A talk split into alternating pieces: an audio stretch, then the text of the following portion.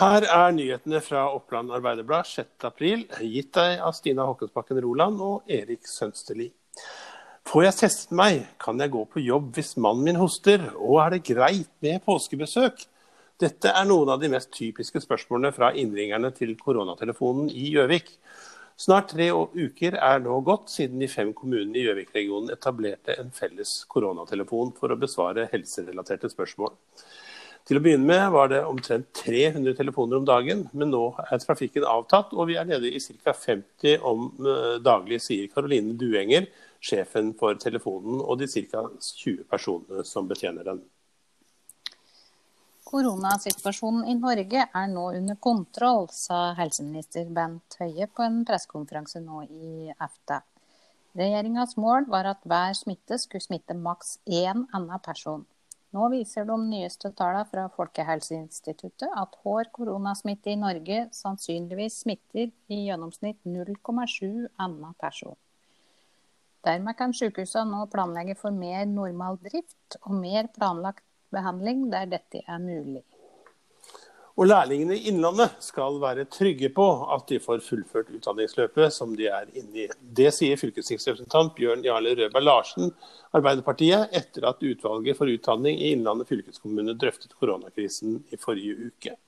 Utvalget for utdanning i Innlandet eh, slår nå fast i en uttalelse at ungdom på yrkesfaglig utdanning skal kunne fullføre utdanningen sin på tross av koronakrisen. Og nedstengninga på Beitostølen fører til at de næringsdrivende mister en omsetning på rundt 50 millioner i løpet av påska. Nå roper NHO et varsko. Direktør Jon Kristiansen for NHO i Innlandet sier til OA at Vest-Oppland er den mest sårbare regionen i Innlandet, fordi vi har høyest eksportintensitet, mens reiselivet, som er sentrale næringer i Trysil, Gudbrandsdalen og i Valdres, vil bli hardest ramme i 2020. For de som opplever oppsigelser, er det svært ille. Og Spesielt viktig blir det å redde de sentrale aktørene i verdikjeden, sier Kristiansen. Og Regjeringen de drysser nå penger over Kommune-Norge, og det betyr også penger til Vest-Oppland. Regjeringen har eh, fordelt øremerkede midler til helsestasjoner og skolehelsetjeneste. Og Mange lokale kommuner får sin del av dette. Eh, det er nesten to millioner kroner til Gjøvik totalt. 700 000 til en skolelege bl.a. Vestre Toten får 3,5 millioner til å opprettholde helsetilbud. Og eh, også Østre Toten får, eh, får mye penger, 2 millioner kroner. Og så tar vi med at 6. og 7. april vil et usedvanlig stort ozonhull bevege seg over Østlandet med mindre værvarselet snur. Det vi ser nå, har vi ikke sett på veldig lenge. Vi har hatt perioder før med tynnere ozonlag, men ikke så dominant og så synlig som nå, sier atmosfæreforsker Ann Mari Fjærå ved Norsk institutt for luftforskning. Det ble anbefalt å smøre seg godt inn med solkrem i disse dager. Og eh, etter eh, en eh, ørliten lydjiggle, så skal vi snakke litt mer om dagens hyggelige nyhet, får man nesten si.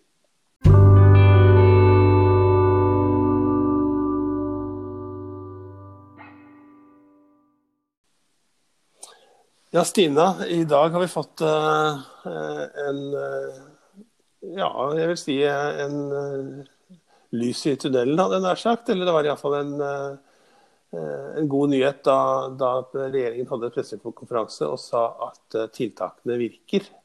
Ja. ja. nå kunne de vise til tall som sier at det, det som har vært sagt, har jo vært et Eh, det var et mål å få smittespredningen under én, slik at eh, Horthaus ikke smitter mer enn én person. Og nå er det tallet nede i 0,7, da, som slik de la det fram i EFTA. Og det betyr, eh, betyr at per nå så er koronaepidemien under kontroll, sa Høie. Og da er jeg litt enig med Camilla Stoltenberg, direktøren i Folkehelseinstituttet, som sa at dette er et stort uh, fremskritt.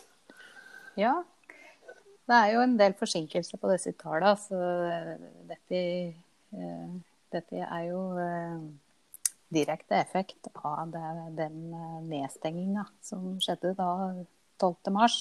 Og enda noen dager gikk det vel før de regnet at den var fullt i verk, da. Men det betyr ikke at vi kan regne med at det blir noe 17. mai likevel. Nei, det er litt tidlig. det ble ikke som før, sa, sa Høie. Um, han, uh, han, sier at vi må, må, regne med å ha tiltak i lang tid. Det blir ikke, ikke anslått noe tidshorisont. Men uh, han sier at det betyr jo ikke at tiltakene må være akkurat som de er nå. Jeg mente jeg leste at uh, et sted på presse, en av nettstedene at uh, vi så for oss et, uh, nå en topp mellom juli og oktober. Uh, Pga. denne forsinka effekten, da, at, nå, at, det virker. De sa vel mai? Oktober før? Ja. Jeg så noen i dag som sa noe om at den, den forsinkelsen som, eh, som, vi har klart å oppnå, da, at eh, de i hvert fall da har klart å uh, høyne beredskapen, med slik at flere kan uh, steppe inn på intensiv, så vidt jeg skjønte. Mm. Så at de har fått den kontrollen.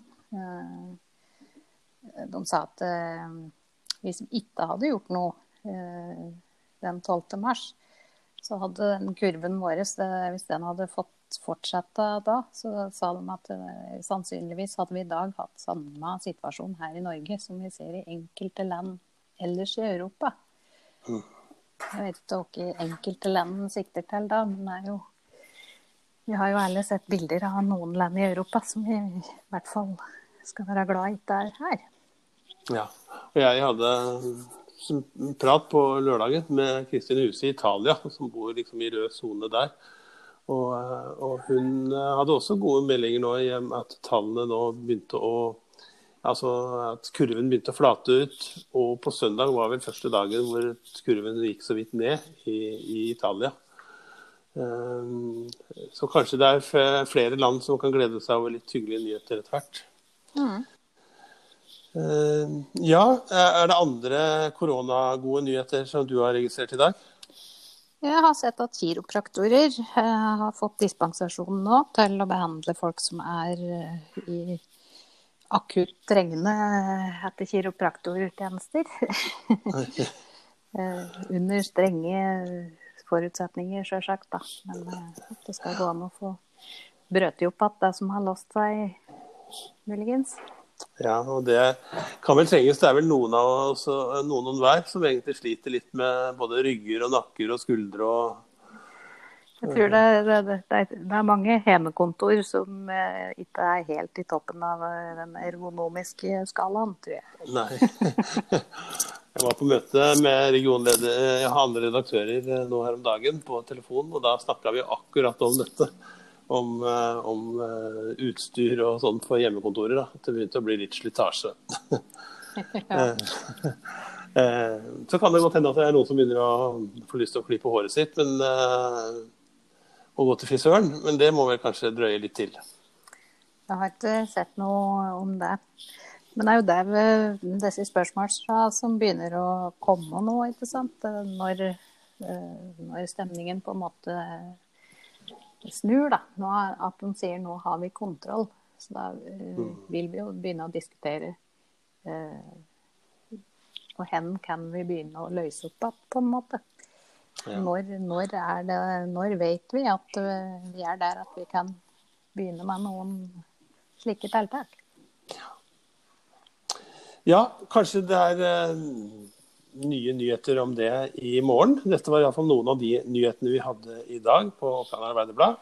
Du kan lese mer på oa.no, eller høre på noen av våre podkaster på de kanalene som du laster ned slikt. Dette var nyhetene, og Stina Håkonsbakken Roland og Erik Sønsli ønsker deg en fortsatt god aprildag.